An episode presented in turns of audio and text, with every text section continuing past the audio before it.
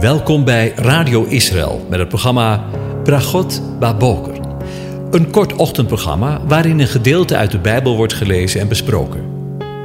Met Bragot Baboker wensen onze luisteraars zegeningen in de ochtend. Presentator is Kees van de Vlist.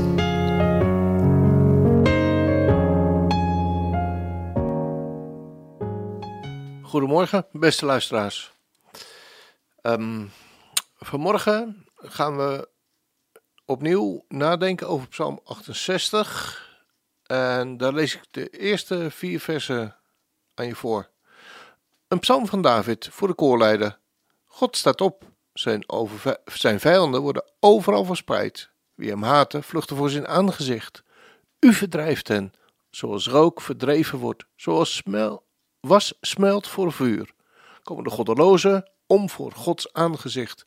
Maar de rechtvaardigen verblijden zich, ze springen op van vreugde voor Gods aangezicht. En zij van blijdschap vrolijk. Ja, vandaag heb ik erboven gezet over Gods handelen gesproken. Deze keer willen we wat meer inhoudelijk naar de psalm kijken. Vandaag beginnen we daarmee met de versen 1 tot en met 4. De inleiding van de psalm waarin we lezen dat David de geliefde het lied geschreven heeft voor de koorleider. We lezen dat God, Elohim, opstaat. En dan gaat er iets gebeuren. Als hij opstaat, lezen we in Genesis 1, vers 1, staan er grote dingen te gebeuren.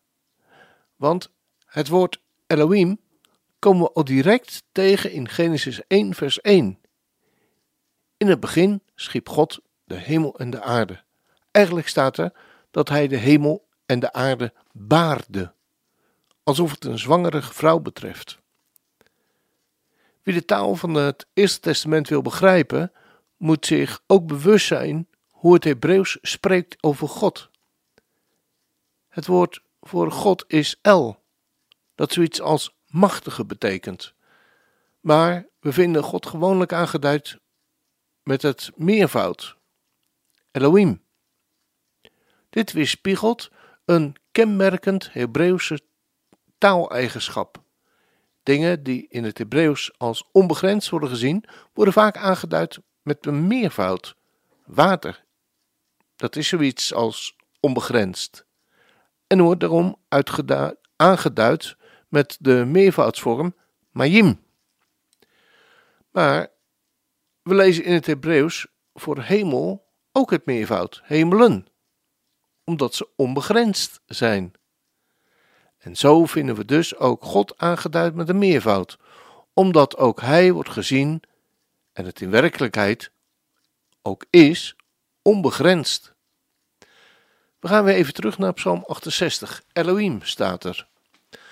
Als hij opstaat, dan is er sprake van een activiteit en gaat hij als het ware over tot actie. Dat is dus voor ons, voor jou en voor mij, voldoende reden om onze ogen en oren te spitsen om te zien wat hij gaat doen. En toen ik hierover nadacht, moest ik denken aan de woorden die we lezen in Openbaringen 6. En toen het het vijfde zegel geopend was, geopend was, had, zag ik onder het altaar de zielen dergenen die gedood waren om het woord Gods en om de getuigenis die zij hadden. En ze riepen met grote stem zeggende, hoe lang, o heilige en waarachtige heerser, oordeelt en wreekt gij ons bloed niet van degenen die op de aarde wonen? En het lijkt erop dat de Heere God hier in Psalm 68 het antwoord geeft. Hij staat op, letterlijk, hij verheft zich om orde op zaken te stellen. En de gevolgen lezen we direct. Aan de ene kant zijn de gevolgen, moet ik zeggen, verschrikkelijk. Als hij op orde, op, orde op zaken gaat stellen, zullen zij die hem haten vluchten. Zijn vijanden zullen verstrooid worden, lezen we. Zij die hem haten, staat er. Het oude Beus geeft een verklaring van de lettertekens voor het begrip haat. En zij schrijven daar De tekens zijn een afbeelding van een doorn en een afgebeelding van zaad. Gecombineerd betekenen ze, betekenen ze doornzaad. De doorn, die het zaad van een plant met kleine scherpe punten, zorgt ervoor dat men van richting verandert om ze te vermijden. Zo gelezen kunnen we dus haters van God vertalen als mensen die God vermijden. Dit vers uit Psalm 68 is bijna een letterlijke vertaling van het gebed van Mozes, zoals we dat lezen in nummer 10, vers 35. En het was bij het opbreken van de ark dat Mozes zei: Sta op, heren, laat uw vijanden overal verspreid worden, en hen die u haten, van uw aangezicht vluchten. Ik weet niet hoe het met jou vergaat, maar als ik deze woorden zo lees, dan overvalt me een overweldigend gevoel. Wat vormt het woord van God toch een enorme eenheid? Dat kan geen mens bedacht hebben. Maar is het architectenwerk van God, van de hemel en de aarde zelf. In de tekst van Psalm 68 lezen we het beeld van mensen die voor het aangezicht van Elohim alle kanten op vluchten. Het lijkt erop dat David hier niet alleen spreekt over de toenmalige gebeurtenis, maar dat hij hier iets laat zien dat trekken heeft met het laatste oordeel.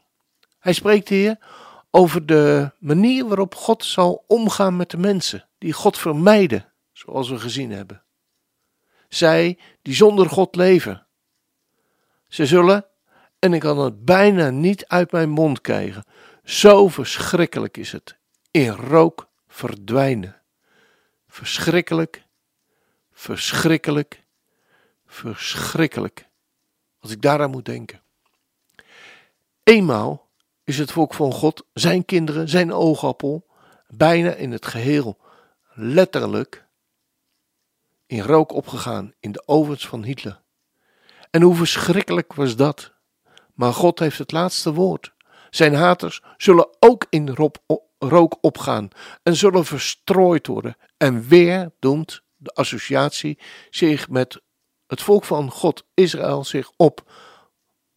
Wat als zaad over deze wereld uitgestrooid is. Maar nu, in de tijd waarin wij leven, bijeenvergaderd wordt. Maar, zegt de psalm, de rechtvaardigen die verheugen zich.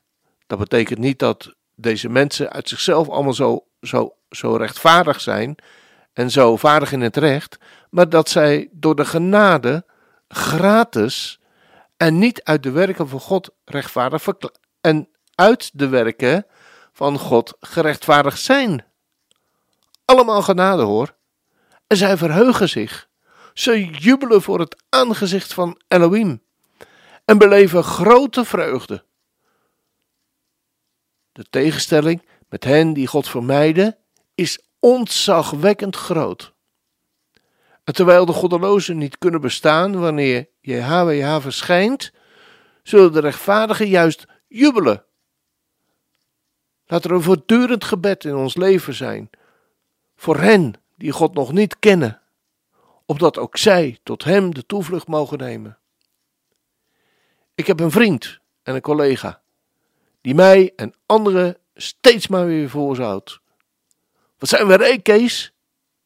Inderdaad. Niet in de zin dat we veel bezittingen hebben, maar rijk in Hem. Als dat geen zegen is.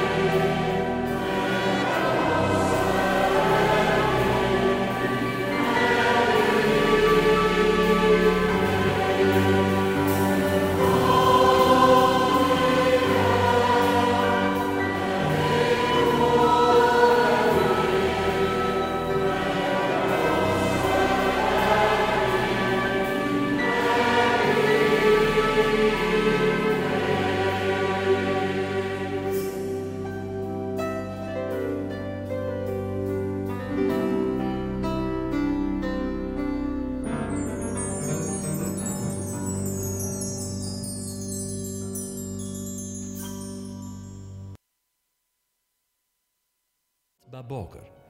Een kort ochtendprogramma waarin een gedeelte uit de Bijbel wordt gelezen en besproken. Wilt u het programma nog eens naluisteren, dan kan dat. Ga naar radioisrael.nl en klik onder het kopje radio op Uitzending gemist.